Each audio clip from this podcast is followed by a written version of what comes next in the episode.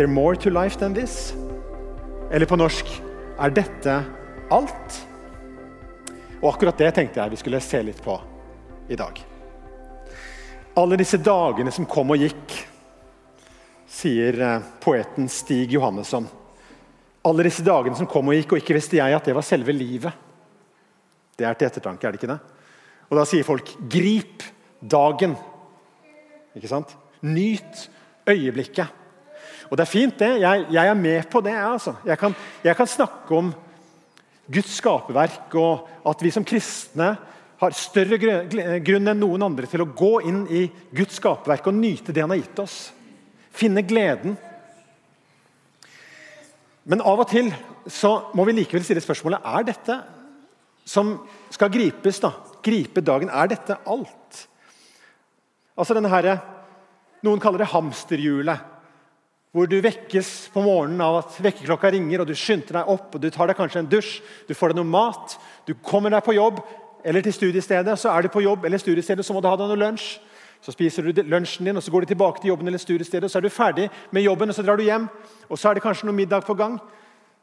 Enten du lager den sjøl, eller det er andre som lager den til deg. Og så, er det kanskje sovemiddag hvis du er veldig heldig. og så og så må man finne på noe på ettermiddagen alene eller sammen med andre, og så må man ha seg litt kveldsmat til slutt, og så må man se om det er noe på TV. Og Da er det jo et veldig godt spørsmål. Er dette alt?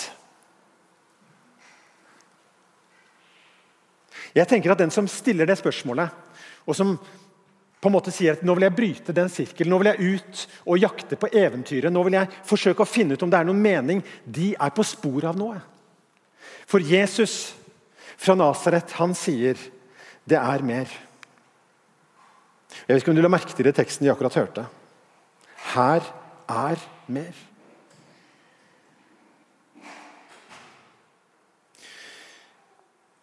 Vi starta i dag i Matteus kapittel 12 vers 38.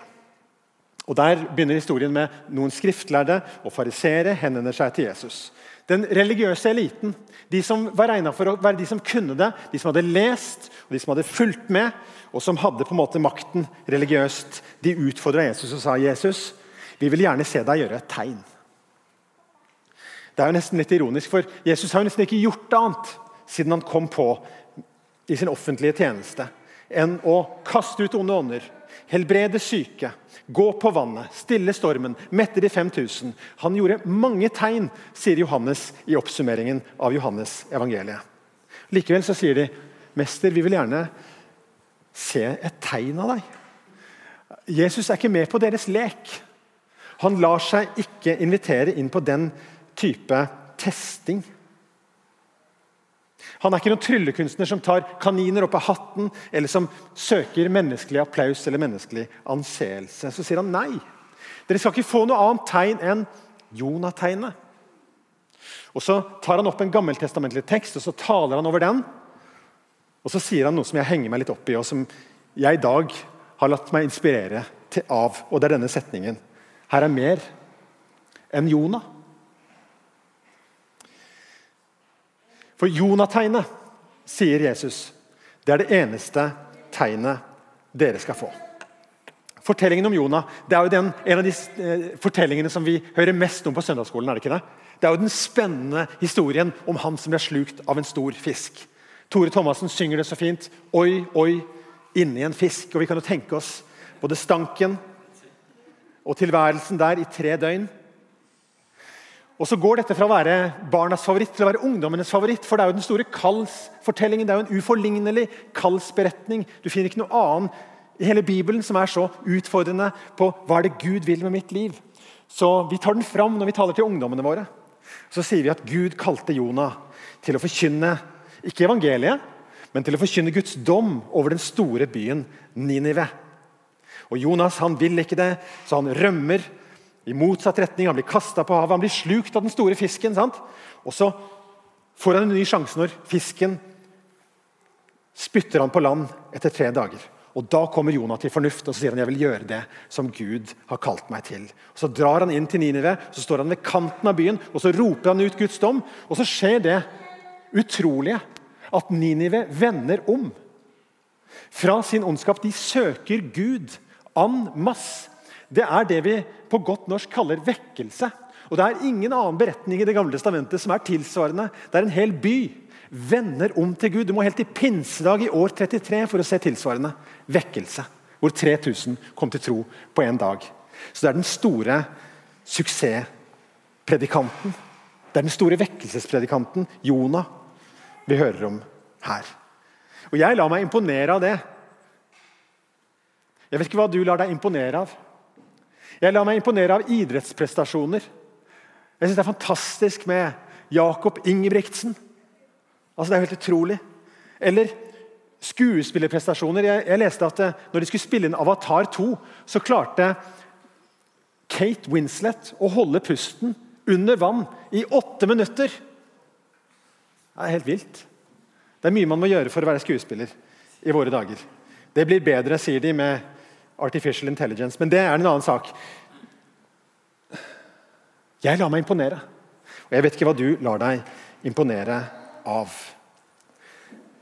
Og Når vi snakker om vekkelseshistorie, så ser vi litt tilbake i tid. så ser vi for En stor vekkelsespredikant som John Wesley. Og andre med han som forkynte på en sånn måte at ikke bare mange tusen vendte om til Gud, men hele samfunnet ble forandra. Man, man, var i stor nød, det var mye fattigdom og alkoholisme i England på den tiden. og Så kommer noen som peker på Gud og på en annen vei, og så vender folk seg om. og Så blir hele samfunnet forandra. En ublodig revolusjon. Ikke bare i England, men også i Amerika. De kalte det The Great Awakening. Eller vi kan snakke om vår egen Marie Monsen, som nå får sin Marie Monsens plass her i Bergen. Vel fortjent. Som dro til Kina, og som fikk bety enormt mye for tusenvis, ja hundretusenvis av kinesere som vendte om til Gud pga. en kvinne fra Bergen som het Marie Monsen. Eller vi kan snakke om en Hans Nilsen Hauge. Jeg leste at når Hans Nilsen Hauge døde, så var en tredel av Norges befolkning haugianere. Jeg lar meg imponere. Men enten det er idrettsprestasjoner eller det er vekkelseshistorie, så sier Jesus til oss i dag her er mer enn Jonah. Her er mer, du, enn prestasjoner. Her er mer enn suksess. Og Når Jesus først er i gang med å forkynne over gammeltestamentlige tekster, så går han et par århundrer lenger bak, og så går han til kong Salomo. Og Hvis profeten Jonas står som et eksempel på en folkebevegelse, en vekkelse, en åndelig vekkelse, så står kong Salomo som eksempelet på menneskelig storhet og politisk makt. Jeg håper dere har hørt om kong Salomo i søndagsskolen. For det var ingen som var mektigere enn kong Salomo. Det var ingen som var rikere. Det var ingen som var visere. Faren hans David han hadde krig rundt seg på alle kanter, så det var ikke så enkelt for han å bygge et, et stort tempel. Men det ble mulig for Salomo. Han kunne bygge det store tempelet. og Han brukte sedertrær, han brukte stein og han brukte gull for å forme dette store, fantastiske tempelet tempelet. Han var så kjent for sin visdom at dronningen av Saba, dronningen fra landet i sør, kom med karavaner og kameler og masse greier for å lytte inn til Salomo for å høre er det sant det som ryktet sier. Er han virkelig så klok? Og Så fant hun ut at ja, han var enda klokere enn det ryktet sa. Salomo hadde også hellet med seg på kjærlighetsfronten. Han hadde 700 hustruer og 300 medhustruer.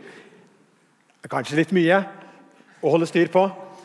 Ehm, og Etter hvert så var det også det som førte han bort fra Gud. Så hele historien til Israelsfolket endte tragisk. Men før det kicka inn, så var Israel på sin peak politisk og religiøst og hadde fred med alle sine fiender under kong Salomo. Han var uforlignelig. Og Vi lar oss lett imponere av rikdom, gjør vi ikke det? Vi lar oss imponere av folk som får ting til. Enten det er i business og næringsliv eller det er i organisasjonsliv. Folk som får med seg andre på å bygge noe stort og varig. Jeg lar meg i hvert fall imponere. Og På disse områdene så var det ingen som overgikk Salomo. Men Jesus sier til oss i dag at her er mer enn Salomo. Det er noe mer enn visdom. Det er noe mer enn rikdom. Det er noe mer enn politisk og religiøs makt og vellykkahet. Og det er noe mer enn å leve i fred med nasjonene rundt oss. Etter, sin, etter Salomos tid gikk det dårlig med Israel. Noen få generasjoner seinere ble det flotte tempelet brent. Israel ble revet i biter. Folket ble bortført var bortført i 70 år. og Så har vi historien om Nehemja og Serubabel som bygde tempelet opp igjen. Og så kommer, Rett før Jesus kommer på banen, så kommer Herodes den store på banen. Og Han gjenreiser tempelet som et enda større tempel enn på Herodes enn på Salomos tid. Det er, riktig, det ikke like mye gull, men det er et stort byggverk. Jeg sjekka hvor stort det var, og alt inkludert så er det like stort som Lagunen. Ja, men tenk på det da, Lagunen er masse små butikker, og masse rulletrapper og masse space. Og Salomos tempel var altså formidabelt. Det var Herodes tempel også. Formidabelt. Veldig veldig, veldig svært. Og til og med Disiplene til Jesus de lot seg imponere. og De sa se for noen byggverk. Og Da hadde de holdt på å bygge på det i 46 år, står det i vårt nye testamente. Men Jesus sier, og dette her er litt før vår tekst, i starten av kapittel 12 Jesus sier at her er mer enn tempelet. Og Det er egentlig ganske ufattelig, for tempelet det var jo dette stedet hvor himmel og jord møtes. Himmelen det er ikke en sånn rosa sky hvor man skal komme når man dør. Himmelen det er Guds domene. Det er der hvor Gud er, der hvor Gud regjerer. Det er himmelen. Og så, så, var Det sånn at det ble reist et telt, et tabernakel, på Moses' sin tid, hvor, hvor, det var et sånt spesielt felt som kaltes for det aller helligste. og Der var Gud med sitt nærvær. Og når tempelet ble bygd, så, så tok de forsiktig denne paktens ark, som også var i tabernakelet, inn i tempelet allerede på Salomos tid.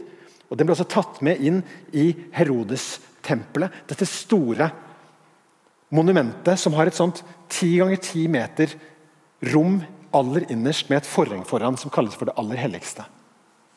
Dette stedet var et, det stedet hvor Gud møtte mennesker. Hvor himmelen møtte jorden. Dette stedet hvor, hvor det er en tangering. Og så sier likevel Jesus det er noe som er større enn tempelet. Går det an? Hva kan det være som er større enn et sånt fysisk nærvær av den skapende Gud? Er det mulig at noe kan være større enn Jonah, vekkelsespredikanten, Salomo, den store kongen, og tempelet, stedet hvor Gud selv er. Hva kan være større enn alt dette? Og Da skal jeg komme til poenget. For det er noe som er større. Av og til sier vi i en god krangel 'og det sier du'. Hvem er du til å si det, egentlig? Og Hvis vi sier det til Jesus, og det sier du, så må vi egentlig bite det i oss. For look who's talking. Det er Jesus som sier at det er noe som er mer enn Jonah. Det er Jesus fra Nasaret som sier at det er noe som er mer enn Salomo. Det er Jesus fra Nasaret, Guds sønn fra evighet av, født av en jomfru, kommet til vår jord, som sier disse ordene. Det er noe som er mer enn tempelet. Og nå starter det, sier han. For så sier han Guds rike er nær. Og så begynner han å invitere mennesker inn i sin nærhet og inn i fellesskap med seg.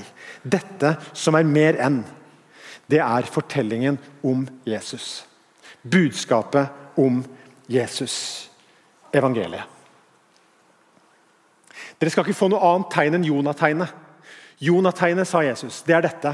Sånn som Jonah var tre dager og tre netter i den store fiskens mage. Slik skal menneskesønnen være tre netter og tre dager i jordens dyp. Han hinta til sin egen oppstandelse. Og den mine venner, er nøkkelen til alt.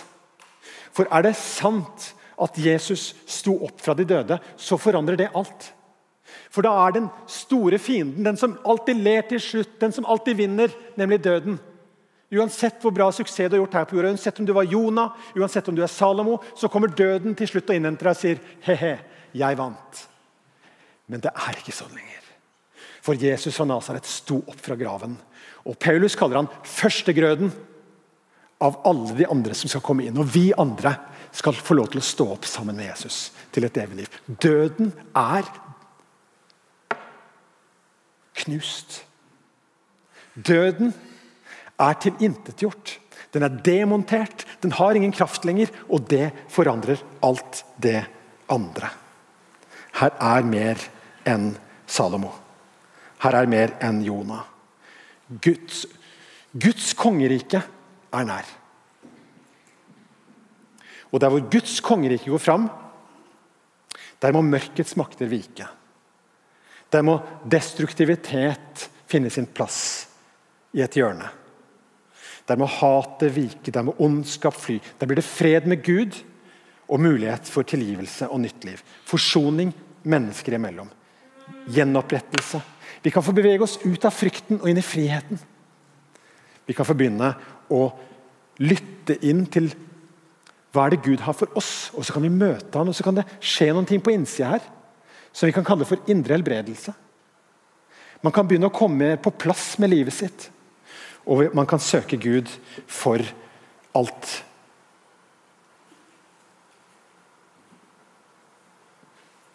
Tegn. Det er egentlig sånne veiskilt som peker fram mot en annen virkelighet. Tegn er ikke noe som vi skal stoppe ved og begynne å tilbe, men det er noe som peker på noe annet. Så Jonah-tegnet og de tegnene som Jesus gjorde, de er veiskilt som peker på en annen virkelighet. Det er bare små, små signaler om at der framme, der kommer det egentlige. Og En dag så skal Guds rike komme fullt og helt. Men den gode nyheten evangeliet er at det har begynt. Og det har begynt her og nå. Derfor, denne høsten, la oss ikke sitte på gjerdet, men la oss ta et steg fram. La oss ikke være tilskuere eller publikummere, men la oss lene oss fram og inn. La oss ta nye beslutninger for Jesus. Søke Hans rike først. Søke å elske vår neste som oss selv, sånn som Jesus har befalt oss.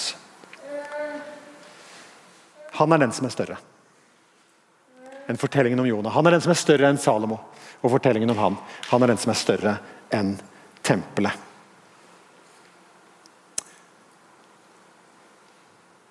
Og han inviterer deg og meg til å finne ut mer om hva det betyr, sammen.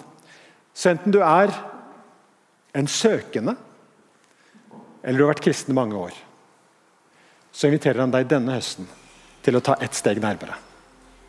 For det er noe som er større enn det vi regner som stort i denne verden. Amen.